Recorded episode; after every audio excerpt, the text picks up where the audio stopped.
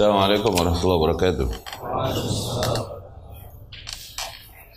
Bismillah walhamdulillah wa qad kafa.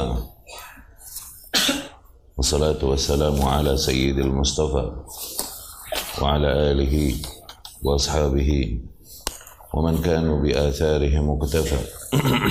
Amma ba'd. Melanjutkan pembahasan kita Al-Amr As-Sabi' Hal yang ketujuh, bab yang ketujuh.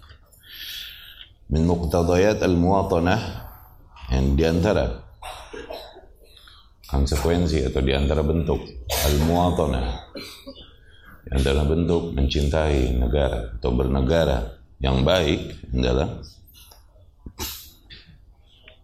aksu ma yang merupakan kebalikan dari bab yang sebelumnya wahwa itu an dzikri salbiyat amam al-ammah wa fil majalis. Ya. Menahan diri dari menyebutkan kekurangan-kekurangan yakni kekurangan-kekurangan para penguasa para penguasa. Ya. Menahan diri dari menyebutkan ya kekurangan-kekurangan yang ada pada para penguasa di depan umum dan juga di dalam majelis-majelis ya sekaligus bab yang selanjutnya yaitu yang ke-8 lihat takdim an-nasihah bi tariqah asy-syar'iyyah dan kemudian menyampaikan nasihat kepada mereka pun kalaupun iya yakni kepada para penguasa bi tariqah asy-syar'iyyah dengan cara-cara yang dibenarkan oleh syari syariat. Ya. Yang ketujuh dengan yang delapan ini sepaket ya.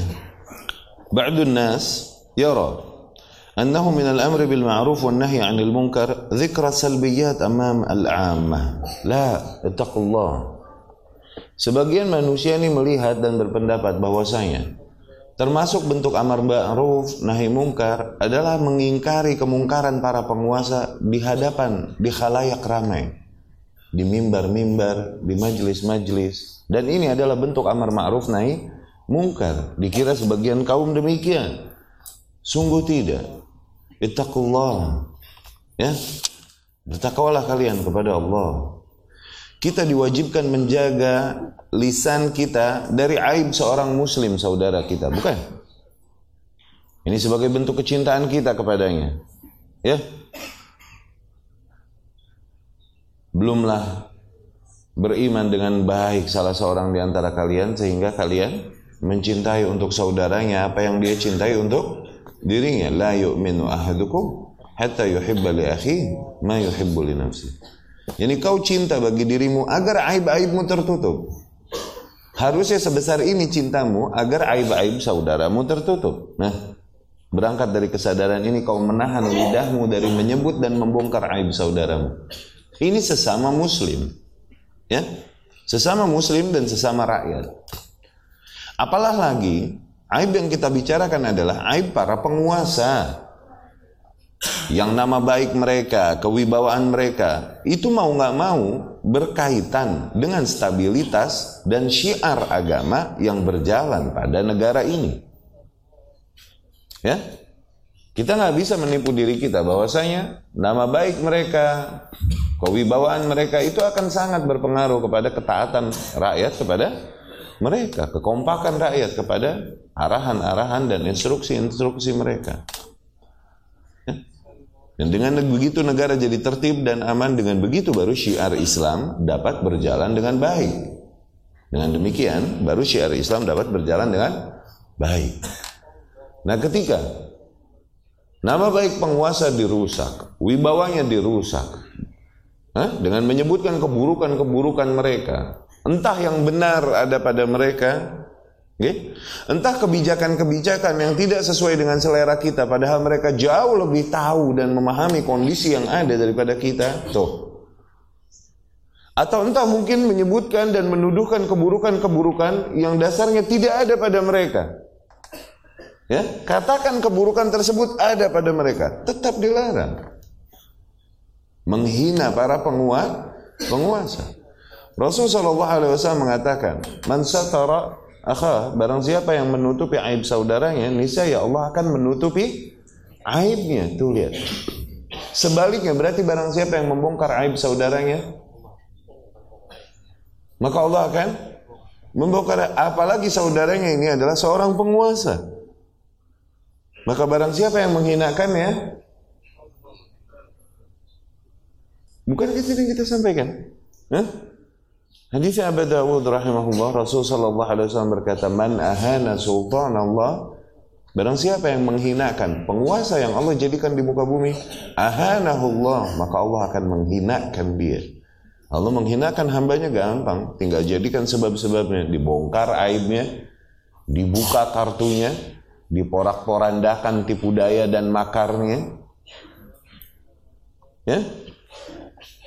Kita tidak mengatakan negeri kita atau penguasa kita maksum. La wallah. Enggak ada manusia maksum. Dufinatil ismah yauma dufinal mustafa.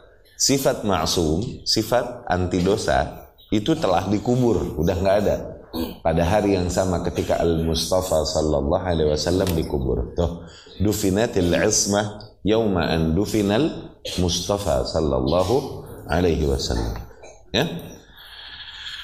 Kita mengatakan ya terjadi kekurangan. Jangankan di pemerintahan yang ini, bahkan di pemerintahan masa Rasulullah Sallallahu Alaihi Wasallam pun terjadi kekurangan pada mereka, pada jajaran jajaran orang-orang yang Rasul Sallallahu Alaihi Wasallam berikan amanah. Ya terjadi kekurangan sempat kepada mereka. Terdapat seseorang yang menghampiri wanita di jalan dan kemudian dia melakukan segala hal dengan wanita tersebut kecuali zina. Okay? Dia melakukan segala hal dengan wanita tersebut kecuali zina.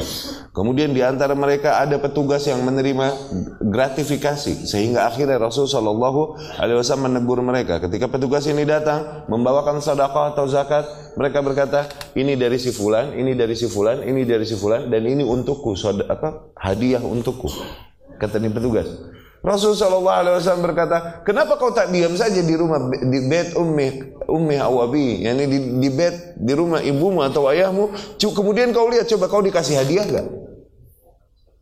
Kalian ini diberi hadiah kenapa? Karena tugas yang berkaitan dengan apa yang ditugaskan pada kalian. Coba kalian diam di rumah bapaknya atau di rumah ibunya, coba dapat hadiah gak? Kagak kan? Tuh lihat ditegur oleh Rasulullah. Berarti terjadi error gak? Di jajaran pemerintahan era Rasulullah ada pembesar senior negara yang bocorin rahasia negara. You believe me? Hatib bin Abi Balta, Badri. Seseorang yang ikut perang ba Badr tiba-tiba Rasulullah sallallahu alaihi wasallam di riwayatnya Ali bin Abi Thalib amarani Rasulullah sallallahu alaihi wasallam ana wa Zubair wa Migdad Rasul memerintahkan aku Zubair dan Migdad Zubair yakni bin Awam, Migdad yani radhiyallahu anhum Rasul sallallahu alaihi wasallam memerintahkan kami bertiga untuk pergi ke ke, ke sebuah tempat. Okay? Dan Rasul berkata sallallahu alaihi wasallam di sana ada seorang wanita kalian akan temui. Ambil surat, nah wanita yang membawa secarik surat. Ambil surat itu dari mereka, kata Rasul sallallahu alaihi wasallam. Fadhahabna ta'ada biha ta'ada bina khuyuluna. Akhirnya kami pun pergi. Kuda kami pun kebut-kebutan. Ya? Menuju tempat yang diperintahkan Rasulullah sallallahu alaihi wasallam. Ketika sesampainya di sana, tidak lama kami menunggu benar ternyata seorang wanita lewat. Kami pun menghampirinya dan berkata kepada wanita itu, "Akhrij al-kitab." Keluarkan surat yang kau ada padamu. Wanita tersebut pun berkata, "Ma ma'il kitab." Sungguh aku nggak bawa surat apa pun. Ali pun berkata, "Akhrijil kitab." Keluarkan surat itu. Aulanul qiyanna thiyab atau kami telanjangi engkau. Wallahi ma suddikna ma kudzibna ma, ma kadzabana wa la Demi Allah, dia tak akan berdusta kepada kita dan tak mungkin kita didustai. Karena kabar ini yang menyampaikan mungkin gak Rasul dusta? Nah, mungkin keluarkan surat itu. Takutnya nih wanita, akhirnya dia mengeluarkan secari kertas dari balik ikatan ram rambutnya. Diberikan kepada Ali bin Abi Thalib. Ali pun membawakan itu kepada Rasulullah sallallahu alaihi wasallam. Dibaca sama Rasul faida. Ternyata di situ min Hatib ibnu Abi Balta'ah dari Hatib ibnu Abi Balta'ah ila unasin kepada beberapa orang dari penduduk Mak Makkah tulis membocorkan strategi Rasulullah Shallallahu Alaihi Wasallam dan pada saat itu tentunya para sahabat sangat murka kepada Hatib ibnu Abi Balta'ah Rasul pun tapi Shallallahu Alaihi Wasallam tidak terburu-buru dan tidak be, nggak nggak terburu-buru. Dia menanyakan lebih lanjut dulu mahada ya Hatib? Dipanggil Hatib dan ditanya wahai Hatib apalah ini? Oke? okay? Mikdad bin al-Aswad radhiyallahu anhu Zubair bin Awam dan Ali bin Abi Thalib ya Hatib mahada wahai Hatib apa ini? Hatib pun menjelaskan kondisi sebenarnya. Jangan terburu-buru atasku ya Rasulullah. Demi Allah tidaklah aku melakukan hal tersebut ridwan bil kufur sebagai bentuk keridhoanku kepada kekufuran. Setelah is Islam. Baru dijelaskan. Aku punya keluarga, aku punya harta di sana. Kalian nih orang-orang asli sana, banyak keluarga yang menjagakan harta dan keluarga kalian di sana. Aku nih ini ini mruun musakun. Aku nih orang yang numpang di antara orang-orang Mekah nggak ada orang yang menjaga keluargaku di sana, nggak juga ada har hartaku, eh, nggak ada yang menjaga har hartaku. Dari situ aku ingin sedikit memberikan jasaku kepada para penduduk Mekah agar mereka menjaga keluar keluargaku. Demi Allah tidaklah aku lakukan ini berangkat dari kebencianku kepada Islam atau keribuanku kepada kufu kekufuran setelah is Islam. Nah, Rasul pun berkata sallallahu alaihi wasallam sadaqah. Sungguh dia jujur, tidak berdusta. Tidak ada dia niat mengkhianati Rasulullah Shallallahu Alaihi Wasallam. Ya, dia dosa, dosa melakukan dosa besar. Tapi apakah itu membuatnya menjadi membatalkan keislamannya? Tidak. Rasul membenarkan alasan. Dan dia tidak berdusta. Pada saat itu beberapa sahabat sudah langsung mau memenggal Hatib Umar di antaranya. Nadrib unuqah ya Rasulullah. Ya kan? Dikadek baheungna ku aing. Jadi gitu langsung begitu aja kan Umar mah radhiyallahu anhu. Iya kan?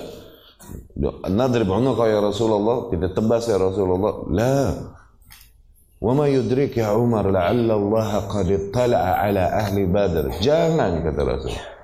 Apa yang membuatmu yakin wahai Umar? Bisa jadi Allah telah melihat kepada para ahli Badr, orang yang ikutan perang Badr. Waqal dan Allah berkata kepada mereka, "I'malu ma syi'tum faqad ghafartu lakum." Lakukanlah apa pun yang kalian mau, sungguh telah aku ampuni bagi kalian. Di sana lain, faqad wajabat lakum, sungguh telah wajib atas kalian syur syurga. Ya, ini menjadi uzur untuk Hatib Ibnu Abi Baltayah yang dilakukannya dosa, dosa dan dosa besar. Oke? Okay? Tapi tidaklah hal tersebut membuat itu apa membuat Hatib keluar dari keislam keislamannya. Ini yang dibahas. Ala kulihat terjadi error nggak di masa Rasulullah Shallallahu Alaihi Wasallam. Yang kalau kita ceritakan satu-satu kasus yang terjadi di antara pasukan Rasulullah Shallallahu Alaihi Wasallam ada yang ngehajar orang, ngebunuh pas musuhnya udah bilang la ilaha illallah harusnya ngerem nggak udah bilang la ilaha illallah. Hah? Ngerem kan? Tapi ini malah ngomong tuh balat oh, enggak dihajar terus, dibunuh. Iya enggak? Kasusnya Usamah bin Zaid bin Harithah kama ta'lamun sebagaimana kalian tahu. Hah? Di antara pembesar-pembesar Rasul sallallahu alaihi wasallam, murid-murid didikan Rasul sallallahu alaihi wasallam, ada yang berlebihan di dalam mengimani. Mengimami manusia salat Isya udah kemalaman pakai surat Al-Baqarah. Ditegur nggak sama Rasul sallallahu alaihi wasallam? Tuh, error terjadi nggak sih? Terjadi nggak sih?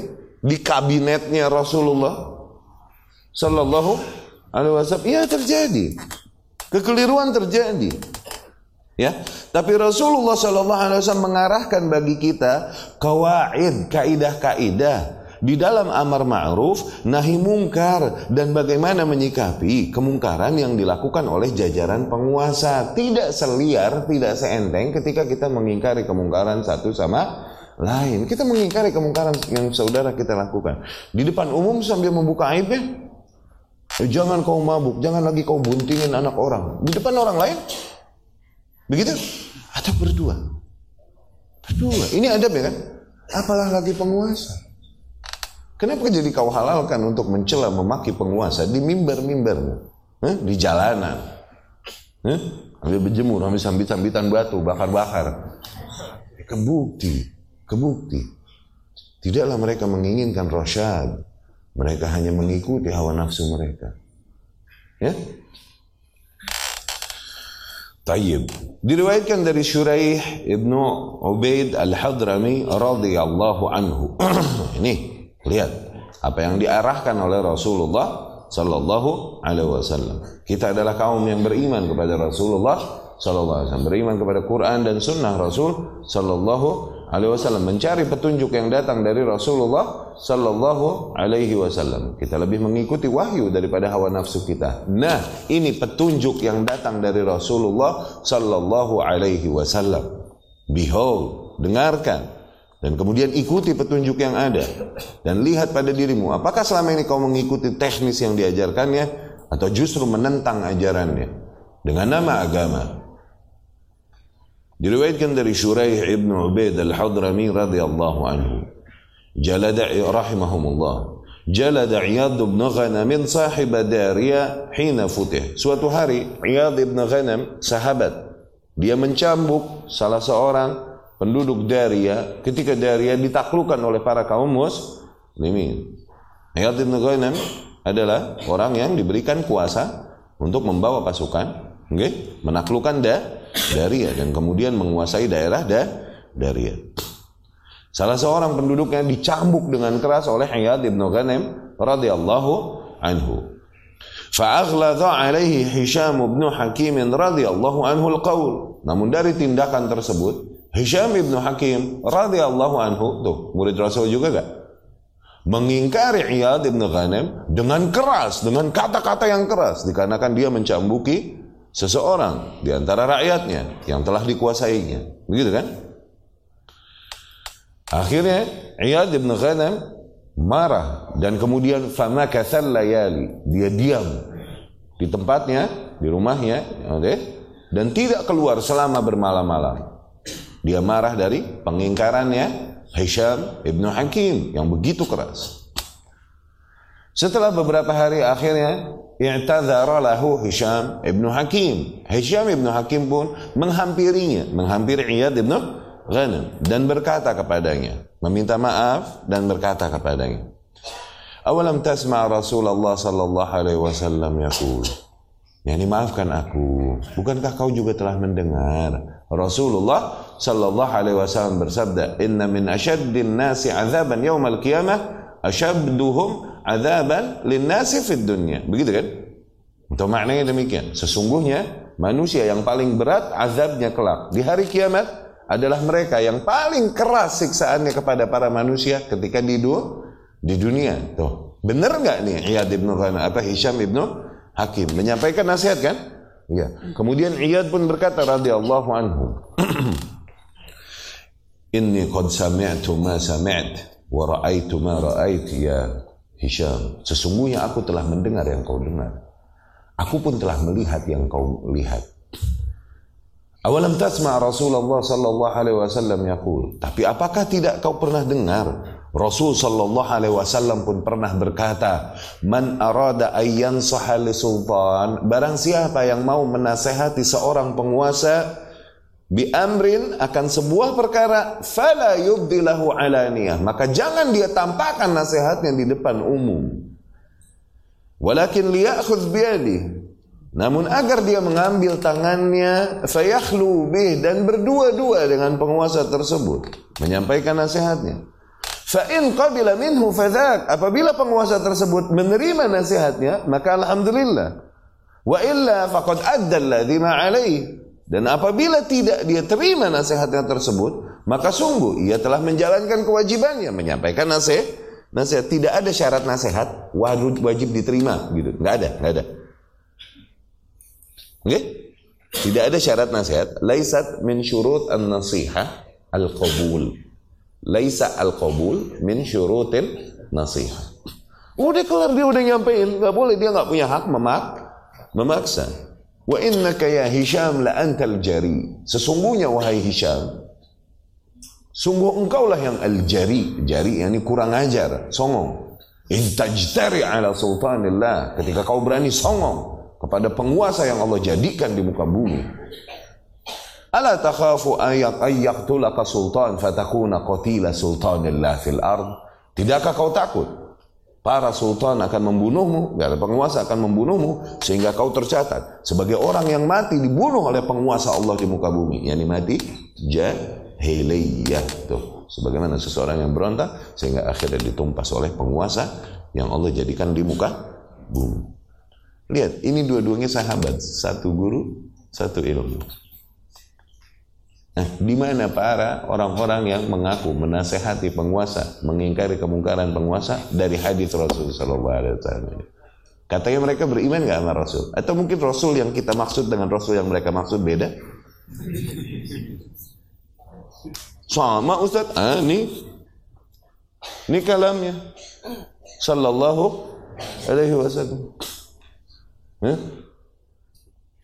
We have faith in the same prophet kan? Kita punya iman kepada Rasul yang sama kan? Rasul kita nggak beda kan? Eh? Ini ajarannya. Sallallahu alaihi wasallam. Diriwayatkan juga dari Abu Dawud dengan sanadnya dari Ziyad ibnu Qusayb al-Adawi rahimahumullah. Ia bercerita, suatu hari karena Abu Bakrah tahta mimbar Ibnu Amir. Abu Bakrah radhiyallahu anhu, tuh sahabat gak? Berada di bawah mimbarnya Ibnu Amir. Ibnu Amir pada saat itu khulafa, yakni di antara khulafa Bani Umayyah, yakni di antara penguasa-penguasa atau aparat-aparat Bani Umayyah, rezim yang berlaku pada saat itu. Okay? Ibnu Amir waktu itu pakai baju tipis. Nah tipis nih dulu orang yang pakai baju tipis, ini preman. Dulu tuh begitu, fasik. Dibilangnya begitu. Oke, okay? bajunya udah ti tipis gitu. Okay? Nah Ibnu Amir waktu itu berada di bawah mimbar, eh sorry, uh, uh, Abu Bakar radhiyallahu anhu di bawah mimbar mendengarkan Ibnu Amir yang berkhutbah di atas mimbar dan dia menggunakan baju yang tipis. Kemudian terdapat seorang khawarij namanya Abu Bilal. Oke? Okay?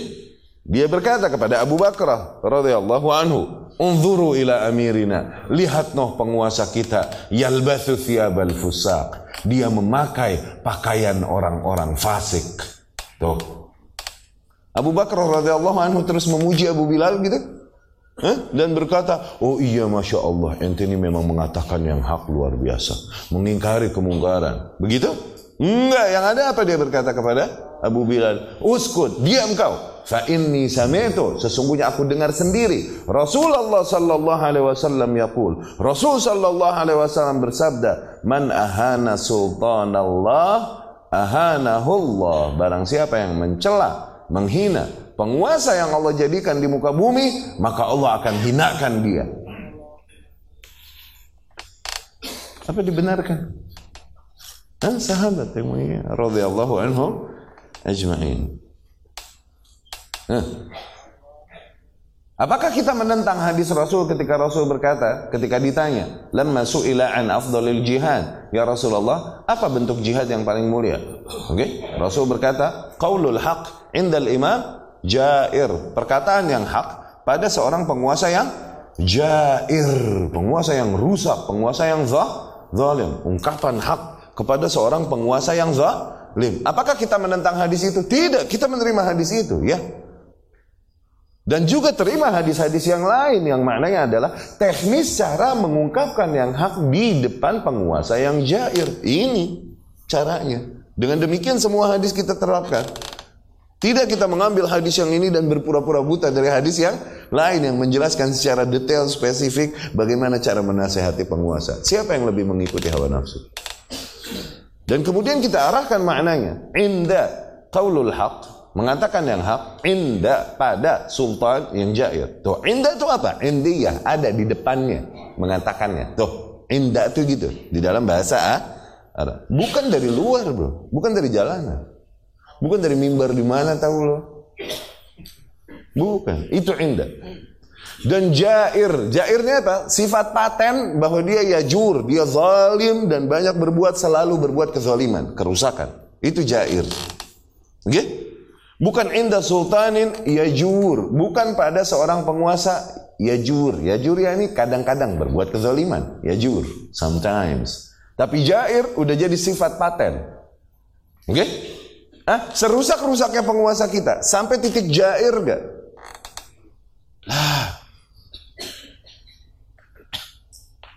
Tidak, tetap dia biarkan syiar Islam berjalan, tetap didirikan sholat Jum'ah dan jamaah dan ayat dan lain-lain, id-id uh, sesuai sunnah Rasulullah Sallallahu Alaihi Wasallam, ya fitri ataupun adha, kemudian tetap di di di di, di koordinir Ramadan puasanya dan kapan mulai puasa dan berakhirnya dan lain-lain, enggak ya jujur masih dia usahakan semua kebaikan untuk kebaikan dan maslahat semua kebanyakan rakyat dan lain-lain. Ini nggak ya jur nggak nggak nggak jair.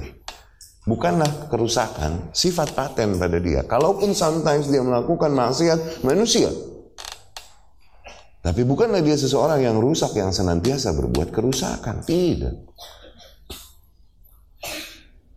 Ya Demikianlah nasihat kepada para penguasa selayaknya untuk disampaikan.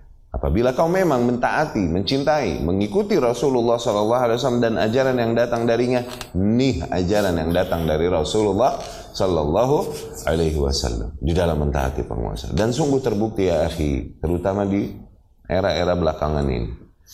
Betapa kita lihat manusia-manusia yang paling lantang mencela-cela dan memaki penguasa menggunakan nama agama, eh, ternyata adalah orang-orang yang busuk dan dibongkar aibnya oleh Allah Subhanahu wa taala. Alhamdulillah Allah tampakkan kebenaran ini. Ya. Setelah semua ini kemudian kita masih belum bisa mengambil pelajaran, begitu?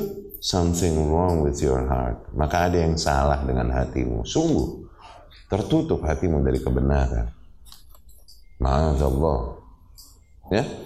Itu yang ketujuh dan yang kedelapan. Baik menahan diri dari menyebutkan kekurangan-kekurangan para penguasa dan tidak menyebutkannya di halayak ra, ramai. Kenapa? Itu hanya akan memupuk kebencian masyarakat kepada para penguasa. Memutus tali saling mencintai, saling mengasihi antara rakyat dan penguasa penguasa dan selalu saja dimasuki oleh oknum-oknum yang memang tujuannya adalah merusak kestabilitasan kaum muslimin negeri-negeri kaum muslimin. Dengan apa? Dengan menggunakan cara-cara demikian. Memupuk kebencian pada masyarakat kepada para penguasa penguasanya dengan menyebutkan terus negatif-negatifnya para penguasa. Entah benar penguasa lakukan, entah fitnah atas mereka, demikianlah yang terjadi memang. Maka kemudian kaidah selanjutnya adalah di mana diwajibkan kita, kalaupun mau menyampaikan nasihat dalam artian kita punya jalur untuk menyampaikan nasihat kepada mereka, nih caranya. Dengan cara yang baik, dengan cara yang tepat dan kemudian berdua tidak di khalayak ramai, tetap menjaga nama ba nama baiknya. Sebagaimana yang sering kali kita katakan, bahkan kepada Firaun alaihi laknatullah. Oke? Okay? Kepada Firaun alaihi laknatullah, yang kemungkarannya luar biasa, ya kan? Kezoliman, kekufurannya ini nggak nanggung. Bukan hanya dia tidak mau menyembah Allah, dia menyeru manusia untuk menyembah dirinya tuh. Nanggung nggak kafirnya? Nggak nanggung bro. Ya kan dan dia mengingkari seruan Musa untuk menyembah Allah, bahkan dia bilang, "Ana rabbukumul ala" atau "Inni rabbukumul ala." Aku ini Tuhan kalian yang maha tinggi. Edante. Oh, ungkapan yang membuat syaitan pun bahkan salut him. Salut darinya. Ya, mereka berkata satu sama ya, gue gak gue yang Fir'aun sampai situ. Kok berani dia begitu? Itu lihat, salut him. Syaitan. Tapi tetap Allah perintahkan Rasulullah alaihi wasallam Rasulullah uh, Musa alaihi salam dan nabi yang berada bersamanya menguatkannya yaitu ha Harun. Allah perintahkan mereka apa? Idhaba ila fir'auna innahu tagha. Pergilah kalian berdua, hampiri Fir'aun. Nah, sesungguhnya dia telah melampaui bah, batas. Kulalahu, katakanlah oleh kalian berdua kepada Fir'aun, kaulan layina, kata-kata yang lembut. La'allahu yatadzakkar aw yakhsha. Siapa tahu dengan itu dia menjadi insaf dan jadi takut kepada Allah Subhanahu wa taala. Tuh lihat. Apakah penguasa yang ada pada kita lebih kafir dan lebih rusak daripada Fir'aun sehingga tidak lagi kita menyampaikan nasihat dengan cara menghampirinya langsung. Tuh, tapi dari jalanan teriak sambil sambit batu. Eh. Tidak lagi kita menyampaikan nasihat kepada penguasa kita dengan kaulan layina, dengan perkataan yang lembut. Apakah penguasa kita lebih kafir daripada Fir'aun? Bahkan kepada Fir'aun karena qadarullah penguasa, oke, okay, diperintahkan dengan kata-kata yang lem, lembut. Apa penguasa kita lebih rusak daripada Fir'aun? Jelas nggak tuntunan Allah Subhanahu wa taala dan Rasulnya sallallahu alaihi wasallam? Maka kami tak kami sungguh tak mengerti. Mereka yang meneriakkan agama turun ke jalan mengingkari para penguasa, aneh nggak ngerti. Agama yang mana sih? Eh? Agama yang mana? Agama mana pun tidak ada mengingkari kemungkaran dengan cara bakar-bakar, dengan cara melempari para aparat. Nggak ada, wallah. Kayaknya nggak ada agama apa. Apalagi dia pakai nama Islam. Islam yang mana sih? Gua nggak ngerti. Eh? Islam yang mana? Sungguh Islam berlepas diri dari apa yang mereka lakukan. Kayaknya agama apa pun, tindakan anarkis demikian akan berlepas diri dari hal itu. Mau ngomong agama apa lagi loh? Apalagi pakai nama Islam. Eh. Islam berlepas diri dari mereka. Ya, sama sekali tidak dibenarkan dan tidak dianjurkan, tidak diarahkan oleh syariat Islam. Eh? Ma'adzallah. Ya. Al-amru tasi' bab yang kesembilan. Jelas tadi ya, tujuh dan delapan. Bagaimana kewajiban kita untuk menahan diri dari merusak, menyebarkan, menjelek-jelekan para penguasa, penguasa. Ya, yang ada malah justru kita dianjurkan untuk menyuruh manusia untuk saling mencintai dengan para penguasa kepada para penguasa, penguasa terbentuk kepercayaan antara rakyat dan penguasa kompak antara rakyat dengan penguasa penguasa. Dan kemudian dianjurkan oleh Rasul diajarkan oleh Rasul kalaupun mau menyampaikan nasihat yakni kalian peluang untuk menyampaikan nasihat nih caranya demikian. Bagi mereka yang tak punya peluang untuk menyampaikan bisa nggak semua orang ketemu penguasa? Nah bagi mereka yang tak punya peluang nasihat maka doakan doakan karena perbaikan akan terjadi apabila kita bersabar dan mendoakan mereka. Sebaliknya, tidak Allah perbaiki kondisi mereka apabila kita justru mengambil langkah sebaliknya dengan mencaci dan memaki mereka. Ma'adzallah. Ya. Al-amru. Hal yang kesembilan. Okay? Di antara bentuk nasionalisme, di antara bentuk mencintai negara, setia kepada negara, at-ta'awun ma'ahum fi daf'i man yunazi'u fil amr wa yakhruju minhu. Hmm. Bekerja sama dengan para penguasa dalam rangka menghalau siapa pun yang mau mencoba mengambil alih kekuasaan dan berontak dari penguasa yang ada. Tuh. Bekerja sama dengan para penguasa di dalam menghalau, mematikan bibit-bibit siapa pun yang mencoba untuk yunazi' merebut kuasa wa minhu dan berontak dari penguasa yang ada. Tayyib. Di antara bentuk cintamu dan kesetiaanmu kepada negerimu adalah ketika kau membantu para penguasa untuk menutup ya dan mengubur bibit-bibit pemberontakan yang selalu hanya akan menjadikan kerusakan yang jauh lebih besar, bukannya perbaikan. Ya, sebagaimana sunnatullah dan sejarah telah membuktikannya dari zaman ke zaman. Sebagaimana disampaikan Ibnu Taimiyah rahimahullah dan Ibnu Katsir dan lain-lain, mereka berkata, dan ini merupakan kesimpulan sejarah dari zaman ke zaman. Ma kharajat qaumun qattu ala zi sultan illa wa kana haluhum ba'da khurujihim aswa min halihim qabla khurujihim. Tidaklah sebuah kaum berontak menjatuhkan penguasa yang ada kecuali pasti, pasti, pasti. Ternyata kondisi setelahnya jauh lebih buruk daripada yang sebelumnya. Pasti. Dorbatan lazim. Itu udah hukum pasti udah. Lam yatakhallaf anhu syai'un minal kauni abadan. Nggak ada yang bisa ngeles dari hukum itu satu kaum pun di atas muka bumi. Nggak ada yang bisa ngeles. Sejarah telah membuktikannya. Ya. Lihat fenomena terkini. Apa yang terjadi di negeri-negeri kaum muslimin. Terutama di dekade-dekade terakhir. terutama sejak Arab Spring. Arab Spring tahu? Al-Saif Al-Rabi' Al-Arabi. Arab Spring adalah beger bahasa apa? Puberty. Puberty yang terjadi di negeri-negeri Arab, negeri-negeri kaum muslimin, oke? Okay? Terutama negeri-negeri Arab. Dimulai sejak 2010, 2011. Dan di baliknya ada propaganda besar musuh-musuh Islam. Di mana digerakkan semua rakyat-rakyat yang ada untuk berbenturan dengan para penguasanya. Terjadilah demo-demo pemberantakan dan penggulingan para penguasa. Ternyata keadaan yang ada pada mereka sekarang tidak lebih baik dari keadaan yang sebelumnya. Dan mereka menyesali hal tersebut. Orang-orang yang masih berakal sehat di antara mereka menyesali hal tersebut. Dimulai dari kejadiannya di Tunus, Tunus dulu, Tunis, ya. Ketika mereka menjatuhkan siapa? Zainal Abidin Ali. Ya kan? Kemudian ngerembet mulai negeri-negeri Libya bergerak mereka melawan Gaddafi.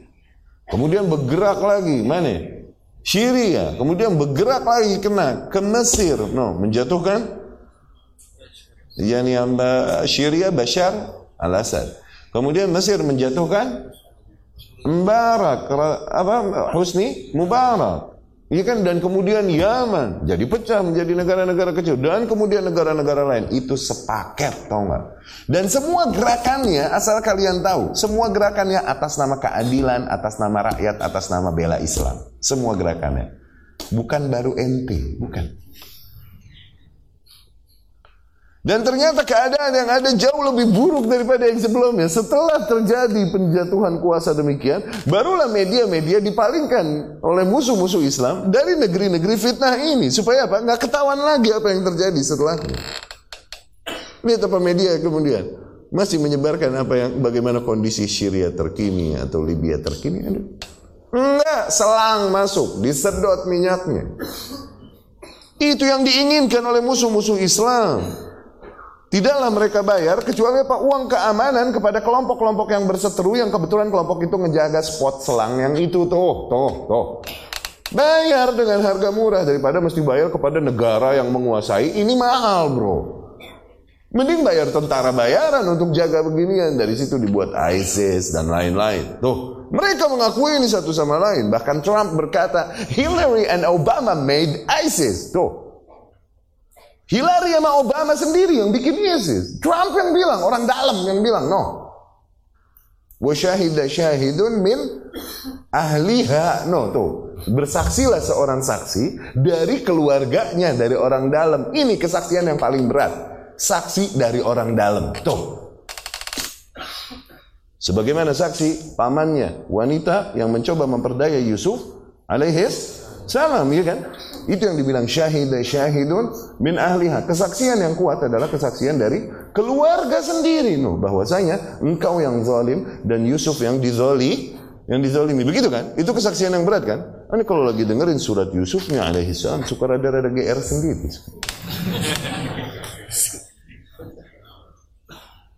Syahid syahidun min ahliha. Bersaksilah seseorang seorang saksi dari golongannya. Ya? Ini propaganda besar, propaganda internasional yang di belakangnya ada tangan-tangan yang nggak kelihatan dengan kekuatan-kekuatan yang luar biasa. Di belakangnya ada New World Order, ada Illuminati yang kalian nggak tahu apa-apa tentang hal itu. Sebenarnya terlepas dari sedahsyat apa pun propaganda mereka ya akhi, Allah bilangin, intas biru watataku apabila memang kalian bersabar, bersabar di atas kaidah ini. Watataku dan senantiasa bertakwa kepada Allah, la yadurrukum kaiduhum syai'an. Tuh, propaganda mereka kayak gimana lagi nggak bakalan berefek apa pun pada kalian. Asal kalian bersabar di atas jalur, jangan keprovoked. Jangan terprovokasi. Dan senantiasa bertakwa kepada Allah tuh istighfar, taubat, musibah yang terjadi ini asalnya adalah dikarenakan dosa yang terjadi begitu kan?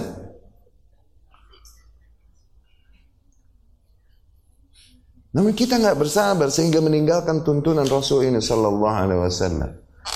dan mengikuti ajaran-ajaran yang bukan datang dari Islam, dari kafir. Di dalam cara menyikapi penguasa. Hmm? Dengan nama demokrasi akhirnya dihalalkan berontak. No. Dengan nama demokrasi dihalalkan oleh sebagian kaum apa? Menggerakkan masa dan berontak. Ini kan demokrasi, katanya begitu lihat. Dengan nama kebebasan berpendapat akhirnya dihalalkan oleh sebagian kaum untuk apa? Maknanya menggerakkan masa di waktu tertentu untuk membantah keputusan penguasa. Tuh lihat. Ini gila. Ini gila, ini kegilaan. Dan yang dipertaruhkan adalah keamanan umat, ketertiban umat. Ketika bagaimana apabila syaitan kemudian mencetuskan di spot-spot lain, di titik-titik lain bagi orang-orang yang merusak untuk mulai melakukan gerakan-gerakan kerusakan. Maka apa yang terjadi? Chaos lagi. Terjadi lagi 97, 98 eh dulu. Di setiap titik terjadi kerusuhan, penjarahan, dan perusakan. Pada saat itu dirampaslah kehormatan-kehormatan wanita yang tidak layak untuk dirampas. Dirampaslah harta-harta yang terhormat yang tidak layak untuk dirampas. Ditumpahkanlah darah-darah yang tidak layak untuk ditumpahkan. Ya, Allah. Hada ma qad ajma' wa nassa alaihi a'immatu ahlu sunnah. Dan sungguh ini adalah perkara yang telah disepakati dan ditegaskan oleh para imam ahlus sunnah. Toh, tidaklah sebuah kaum berontak kepada kaum penguasa yang ada kecuali pasti kondisi setelahnya lebih buruk daripada yang sebelumnya. Maka para ulama bersepakat wajibnya kita untuk bekerja sama dengan para penguasa untuk menutup bibit-bibit pemberontakan yang ada dan bahkan terdapat ancaman-ancaman dari syariat bagi mereka yang melindungi atau malah menjadikan bibit-bibit fitnah dan kerusakan. Tayyib. Sebagaimana disampaikan Ibnu Qudamah di dalam Al-Mughni, annahu yajibu ala kulli muslim bahwasanya wajib atas setiap kaum muslimin fi wilayati walin yang berada di bawah kekuasaan seorang penguasa walil amr, seorang penguasa yang ada, ayyu'awinahum, wajib atas setiap muslim untuk menolong para penguasa tersebut fi daf'il bughah, dalam menghalau orang-orang yang mencoba bughat, no, berontak. Ya, wa fi daf'i kulli man yuridul khuruj dan di dalam menghalau setiap orang yang mencoba melakukan pemberontakan alaihim atas mereka. Demikian pula Rasulullah sallallahu alaihi wasallam perintahkan ya nih perintah Rasulullah sallallahu alaihi wasallam bagi kalian yang masih mau mengikutinya. Diriwayatkan Imam Bukhari dan Muslim rahimahumullah. Tuh Bukhari bahkan dikuatkan oleh Imam Muslim fi a'la darajat as-sihhah berada dalam derajat kesahihan tertinggi. Dengan sanadnya dari Abu Hurairah radhiyallahu anhu dari Nabi sallallahu alaihi wasallam Nabi berkata kanat banu Israel tasusuhumul anbiya. Bani Israel terdahulu itu disiasati oleh para nabi yakni diangon sama para nabi dari zaman ke zaman Bani Israel dulu Kullama halaka nabiyyun khalafahu nabi. Setiap seorang nabi meninggal, Allah gantikan nabi yang baru yang ada pada mereka untuk ngurus mereka. Tuh. Lihat, nah di sini ada nilai sedikit. Oke. Okay. Pemimpin mereka nih orang-orang selevel Musa alaihi salam, Bro. Hah? Jewish nih. Oke? Okay? Oke, okay, apakah sejarah membuktikan bahwasanya mereka jadi benar, jadi mending atau tetap dengan kerusakan ditulis tinta sejarah mereka? Huh? Mau kaum apa pun mengakui bahwa ya Yahudi ini penyakit zaman di setiap zaman. Eh, bahkan Hitler yang kafir tahu hal itu. Padahal dia nggak beriman kepada kabar yang dibawakan kitab, dibawakan Rasul. Sallallahu alaihi wasallam. Hitler ini kafir. Tapi berangkat dari baca sejarah, dia tahu rusaknya Yahudi. Dan di antara, di antara ungkapannya yang telah diterjemahkan ke dalam bahasa Arab, ungkapan Hitler yang diterjemahkan ke dalam bahasa Arab nih. Ana fi istita'ati an aqtula kulla yahudiyyin ala wajhil alam. Aku sesungguhnya mampu saja untuk membunuh every each single Jewish gitu loh. Setiap individu Yahudi di muka bumi aku bunuh, aku mampu. Walakinni ubqi qalilan, tapi sengaja aku sisakan saeutik.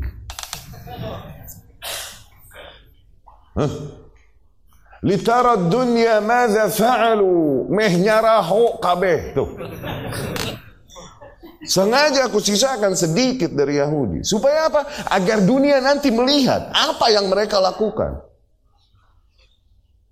Ya, agar mereka ujungnya membenarkan membenarkanku. Kalaupun kabar tentang Holocaust dan lainnya, Holocaust sebenarnya kan gas chamber, eh?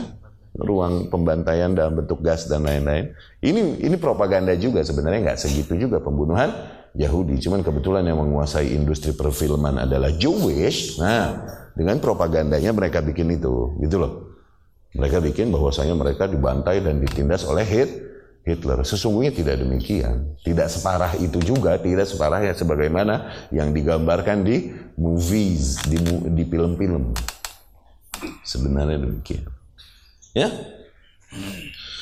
Kembali kepada hadis Rasulullah sallallahu alaihi wasallam, "Kullama halaka nabiyyun khalafahu nabi." No, setiap rusak seorang nabi digantiin sama nabi yang baru. Tuh, yang ngasuh nabi, yang mimpin nabi. Jadi mendingan enggak rusak. Kenapa? Mentalnya emang pada rusak. Maka permasalahan bukan pada pemimpinmu, Bro. Kalaupun yang memimpinmu seorang nabi, engkau berangkat dari kaum yang memang bermental rusak, tercatatlah. Sejarah akan menjadi saksi dan bukti bahwa kau adalah memang kaum yang rusak. Kalaupun presidenmu mungkin dari seorang nabi. Ya? Wa innahu la nabiyya ba'di dan sesungguhnya tidak ada nabi lagi sepeninggalku. Wa sayakun ba'di khulafa fayakthurun. Tapi nanti kelak sepeninggalku terdapat para khulafa yakni para penguasa-penguasa. Dan kemudian fayak turun ada yang bilang fayak turun akan banyak jumlah para penguasa saling berkuasa satu sama lain. Yang ini spotnya daerah mana aja yang ini daerah mana aja. Nggak satu penguasa satu. Yak turun itu begitu. Atau fayuk firun fayuk firun ini memperbanyak. Ya ini mereka memperbanyak harta dan nikmat duniawi dengan kuasa yang ada pada mereka. Tuh. Itu dibacanya begitu habisnya Okay? Katakan fayaksun dan jadi banyak para penguasa ini. Akhirnya setiap penguasa mengakui bahwasanya dia yang berkuasa, berkuasa begitu kan? Kalau para sahabat berkata, "Fama ta'muruna ya Rasulullah?" Maka apa arahanmu kepada kami wahai Rasulullah? Qal, Rasul berkata, "Aufu bai'atal awal." Penuhi baiat kalian kepada penguasa yang awal. Summa atuhum haqqahum. Berikanlah kepada mereka hak-hak mereka, yakni untuk didengar dan ditaati. Dan mintalah saja kepada Allah tentang hak-hak kalian yang tidak ditaat diberikan oleh penguasa. Katakan mereka zalim merampas hak kita. Mintalah saja pada Allah hak-hak kalian. Sudah. Innallaha sa'iluhum amma star'ahum. Sesungguhnya Allah nanti kelak yang akan menuntut pertanggungjawaban mereka atas rakyat yang Allah kuasakan atas mereka. Udah, kelar. Ya? Di sini jelas, penuhilah bayat yang awal adalah perintah untuk membantu menjaga stabilitas penguasa yang disepakati dan berlaku pada saat ini. Kalau bahasa kita, constitutionally renowned, telah diakui secara konstitusional. Oke? Okay? Dan tidak meridhoi bayat yang kedua yang mencoba merebut kuasa dan menyeru manusia untuk membayatnya. Lebih jelas lagi, hadis lain diriwayatkan oleh Abdullah ibnu Amr ibnu As radhiyallahu anhum. Dari Nabi sallallahu alaihi wasallam, Nabi bersabda, "Man baya'a imaman fa'atahu safaqat yadihi." Wa thamarat qalbi. Barang siapa yang telah membaiat seorang imam, yakni mentaati uh, seorang berpuasa yang disepakati. Kemudian dia telah memberikan tangannya, yakni telah memberikan kepadanya ketaatannya, wasamarat qalbi. Dan mengikhlaskan ketaatannya kepada ni penguasa yang ada, fal yuti'hu mastata' maka agar dia terus mentaatinya sebatas kemampuannya. Fa in jaa yunazi'u, apabila datang yang lain yang mencoba merebut kuasa dari penguasa sebelumnya, fadribu raqabadal akhar, maka tebaslah leher yang lain itu. Rasul yang ngomong, lihat bajri. Rasul bro yang ngomong. Fadribu raqabatal akhar. Huh, kadek beheungna. Dan juga dari Nabi sallallahu alaihi wasallam bersabda, man atakum wa amrukum jami' yurid ay yashqa asakum. Barang siapa yang datang kepada kalian, menyeru kalian dan kalian berada dalam kondisi satu kesatuan. No, kita berada di bawah satu kesatuan. Datang pada kalian seseorang menyeru kalian ingin memecah barisan kalian. Huh? Ini memecah kepada dirinya wa amrukum jami' ala rajul wahid. Kalian berada di bawah kesatuan satu orang yang disepakati. Datang kepada kalian yang lain menyeru kepada dirinya, maka Rasul berkata, "Fadribuhu bisaif." Hajar ia dengan pedang kainan mankan siapa pun ia. Rasul yang. Cara menyikapi pemberontak.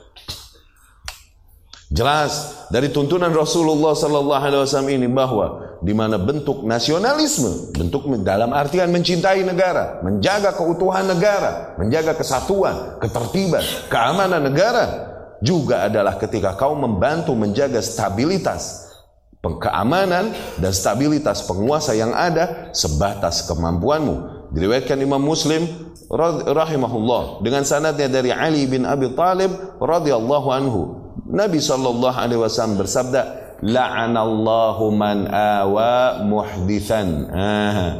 Allah melaknat mereka yang awa memberikan shelter, memberikan perlindungan. Oke? Okay? Kepada muhdith, kepada orang yang membuat perkara sehingga akhirnya misalnya dia membuat bid'ah. Oke? Okay? Dia membuat bid ah atau dia membuat kekacauan dan kemudian sehingga kekacauan dan kemudian menyebabkan fitnah pada sebuah umat. Nah, ini dia muhdith, seseorang yang bikin kacau, bikin sebuah kejadian. Allah memberikan laknat kepada siapa pun yang melindunginya, ngumpetin dia. Nah, diperintahkan apa berarti? Laporkan pada penguasa. Nih yang wanted, wanted, wanted itu ada di sono. No, nggak boleh kita sembunyi, sembunyikan. Wajib. Ketika kita menyembunyikan mereka, mengamankan mereka, maka kita terkena ancaman Rasulullah sallallahu alaihi wasallam turun laknat Allah atas kita. Ma'adzallah. La'anallahu man awa muhdisan. Allah melaknat mereka yang memberikan perlindungan kepada orang yang berbuat kekacauan. Al-amrul ashir dan hal yang ke-10 ad-du'a'u lahum bil i'anah wat taufiq was sadad senantiasa mendoakan para penguasa dengan segala bentuk kebaikan, bentuk pertolongan dari Allah, taufik dari Allah dan arahan yang benar dari Allah Subhanahu wa taala. Maka dari situlah para kaum salaf seperti Fudail bin Iyad, Ahmad bin Hambal menyampaikan poin ini. Bukan karena mereka menjilat penguasa. Kalian tahu sendiri sejarah mereka. Demikian kami menyampaikan hal ini demi Allah. Bukan karena kami menjilat para penguasa, bukan juga karena kami terprovokasi kabar-kabar politik. La wallah, ini akidah kita. Bukankah dari awal Anda bilang kalau Allah, kalau Rasul, kalau sahabat. Kalau Allah, kalau Rasul, kalau sahabat. Hah? Ini akidah kita. Diriwayatkan Al-Imam Al-Barbahari rahimahullah. Lihat. Al-Imam Al-Barbahari ini imam ahlu sunnah. Di antara bukunya yang menjadi pegangan ahlu sunnah dari zaman ke zaman. Syarah usul Hah? Sunnah Al-Imam Al-Barbahari. Beliau rahimahullah berkata, "Idza ra'aita rajulan, apabila kau melihat seseorang yad'u 'ala sultan, mencela-cela, mendoakan keburukan, melaknat para penguasa, fa'lam annahu sahib hawa." Maka ketahuilah, yakinlah bahwasanya dia pengekor hawa nafsu. Tuh, patokan seseorang keluar dari ahlu sunnah apa enggak di antaranya. Lihat, coba nyala-nyala. Oh, Habis itu dia bilang ikut-ikut nyela penguasa. Aduh, emang kelicikan terjadi, kecurangan terjadi ya gitu. Ini bukan sunnah bukan. Jangan kelicikan kecurangan. Mau penguasa menang dengan cara berdarah, kudeta, tetap dengar dan taati. Apalagi cuma kecurangan. Apalagi cuma curang data kan. Katakan lebih cara yang lebih zolim. Apa? Penguasa yang berkuasa itu dengan pedang, dengan menggulingkan kudeta penguasa penguasa sebelumnya. Oke? Okay? Zolim nggak? Oke, okay, apakah kita berontak kepada penguasa yang zalim itu? Enggak habis-habis dong rantai pertumpahan darah nanti. Ya.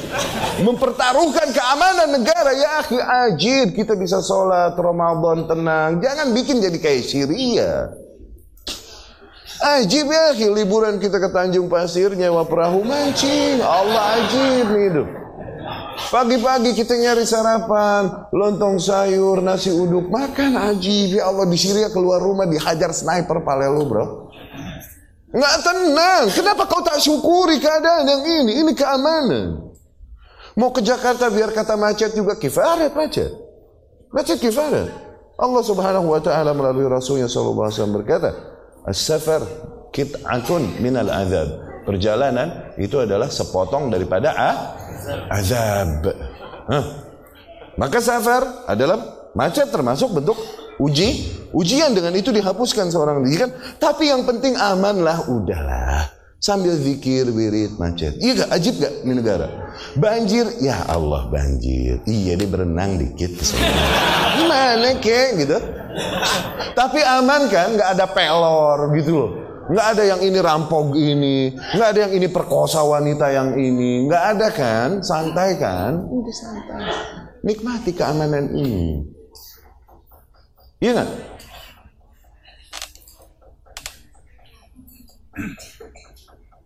Halimah Al-Barbahari berkata, apabila kau melihat seseorang mendoakan keburukan bagi para penguasa, maka yakinlah bahwasanya ia pengekor hawa nafsu. Wa idza ra'aita rajulan yad'u lis-sultan dan apabila kalian melihat seseorang justru mendoakan kebaikan. Oke? Okay?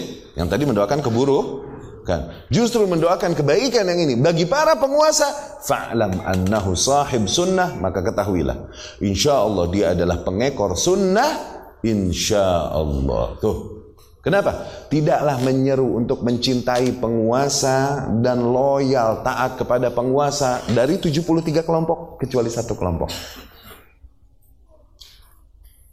Fahim? tidaklah menyeru kepada poin usul ini ikhlas menerimanya kecuali satu kelompok. Yang lain melihat bahwa saya kewajiban bentuk kewajiban amar ma'ruf nahi mungkar termasuk mengingkari kemungkaran para penguasa penguasa dengan cara-cara yang mereka kehendaki dengan hawa nafsunya. Ya, maka tidaklah sebagaimana kita selalu sampaikan, tidaklah menerima usul ini kecuali seorang mukmin yang ikhlas menerima keimanannya. Tidaklah menolak, menentang usul ini kecuali munafik yang hanya memilih-milih dari dogma keimanan apa yang sesuai dengan hawa nafsunya. Ya, permisalan mereka sebagaimana permisalan Yahudi yang beriman kepada sebagian kitab dan kufur kepada sebagian ya dan afatu'minuna bi ba'dil kitab wa takfuruna bi ba'd Hmm. Ya. Setelah mengucapkan hal tersebut Al-Imam Al-Barbahari rahimahullah saqa bisanadihi ila Fudail menyebutkan sebuah quote yang ia riwayatkan dia sebutkan sanadnya kepada Fudail Ibnu Iyad rahimahullah qala Fudail Ibnu Iyad rahimahullah Lau kanat li da'wah mustajabah andai saja aku memiliki satu kesempatan doa yang pasti dikabulkan Oke? Okay? Lasarraftuha li sultan. Sungguh aku akan arahkan doa tersebut demi kebaikan para penguasa. Qalu akhirnya para murid-muridnya berkata, "Fassir lana dzalik ya Aba Ali." Tafsirkan kepada kami hal tersebut. Yani ungkapan ini maksudnya apa? Jelaskan pada kami ya Aba Ali. Aba Ali Fudail bin Iyad rahimahumullah pun berkata, Idza sarraftuha li nafsi lam ta'duni. Apabila aku gunakan kesempatan doa yang dikabulkan itu hanya bagi diriku, maka kebaikannya tidak akan berefek kepada yang lain. Hanya bagi diriku maslahatnya. Wa idza sarraftuha li sultan. Namun apabila kebaikan tersebut, doa kebaikan tersebut Aku arahkan kepada para penguasa selalu has sultan maka menjadi baiklah para penguasa wa saluha bisalahihim al ibadah wal bilad dan dengan kebaikan para penguasa menjadi baik pula para hamba-hamba dan negeri-negeri yang ada. Oh Allah. Dari situ langsung Abdullah bin Mubarak rahimahumullah menghampiri Fudail bin Iyad dan mencium keningnya dan berkata wallahi la yuhsin hadza ghairuk ya Abu Ali. Demi Allah enggak sejago ini memahami hikmah ini selain engkau wahai Abu Ali. Ish.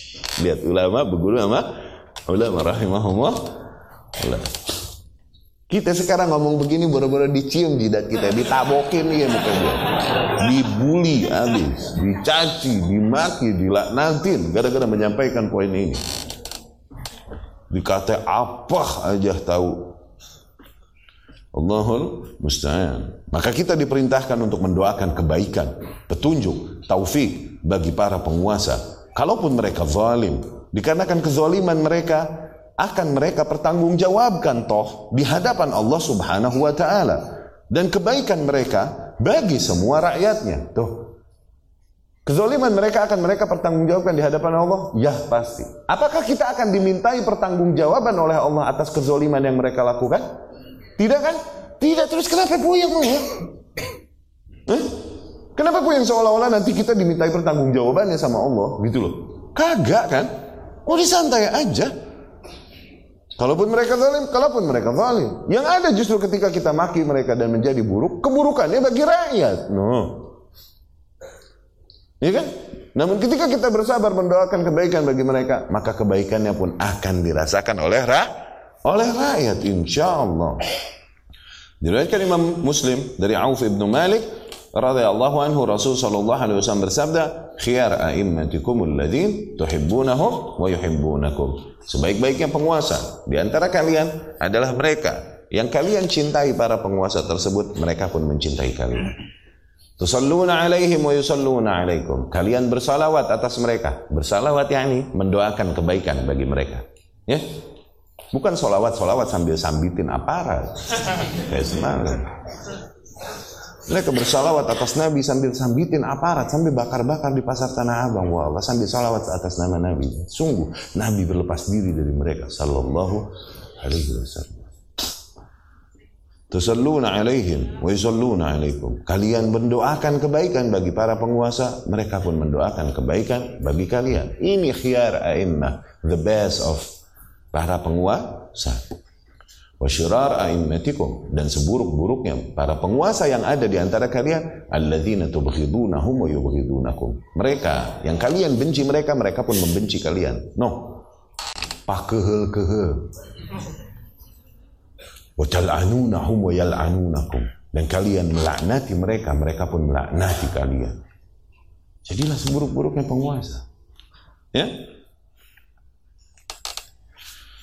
Maka ketika kita menginginkan kondisi sebaik-baiknya penguasa, jadilah sebaik-baiknya rakyat yang layak, worthy untuk dapat untuk mendapatkan sebaik-baiknya penguasa. Penguasa, apakah kita layak untuk mendapatkan sebaik-baiknya penguasa? Coba. Apakah kita sudah menjadi sebaik-baiknya rakyat? Begitu kan? Doakan kebaikan bagi mereka. Ya? Dan keberadaan para penguasa bagaimanapun, terutama mereka yang buruk, adalah bentuk qadar yang merupakan keadilan Allah Subhanahu wa taala atas alam semesta. Apakah seorang mukmin akan mencela apa yang Allah Subhanahu wa taala takdirkan baginya ketika tidak sesuai dengan seleranya? Ini keberadaan para penguasa adalah bentuk qadar Allah. Kita diperintahkan mengimani qadar yang baik doang atau yang buruk juga? Yang buruk. Dan bentuk qadar Allah adalah bentuk keadilan Allah di atas alam semesta. Tidaklah Allah menentukan sesuatu kecuali layak. Tidaklah kau dipasangkan dengan si fulan karena kecuali karena kau layak bagi fulan.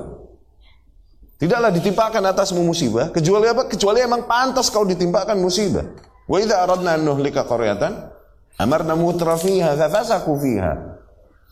Apabila kami ingin menghancurkan sebuah negeri, kami jadikan orang-orang yang berbuat ke ke kerusakan di bumi atau di negeri tersebut sehingga mereka berbuat kehancuran, kefasikan di negeri tersebut. Akhirnya pantaslah mereka dihancurkan. Allah tuh timpakan sesuatu, Allah bikin dulu pantas.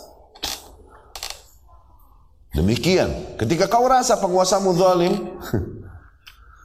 maka sungguh Allah Maha Adil. Karena kan kezoliman yang kita usahakan selama ini.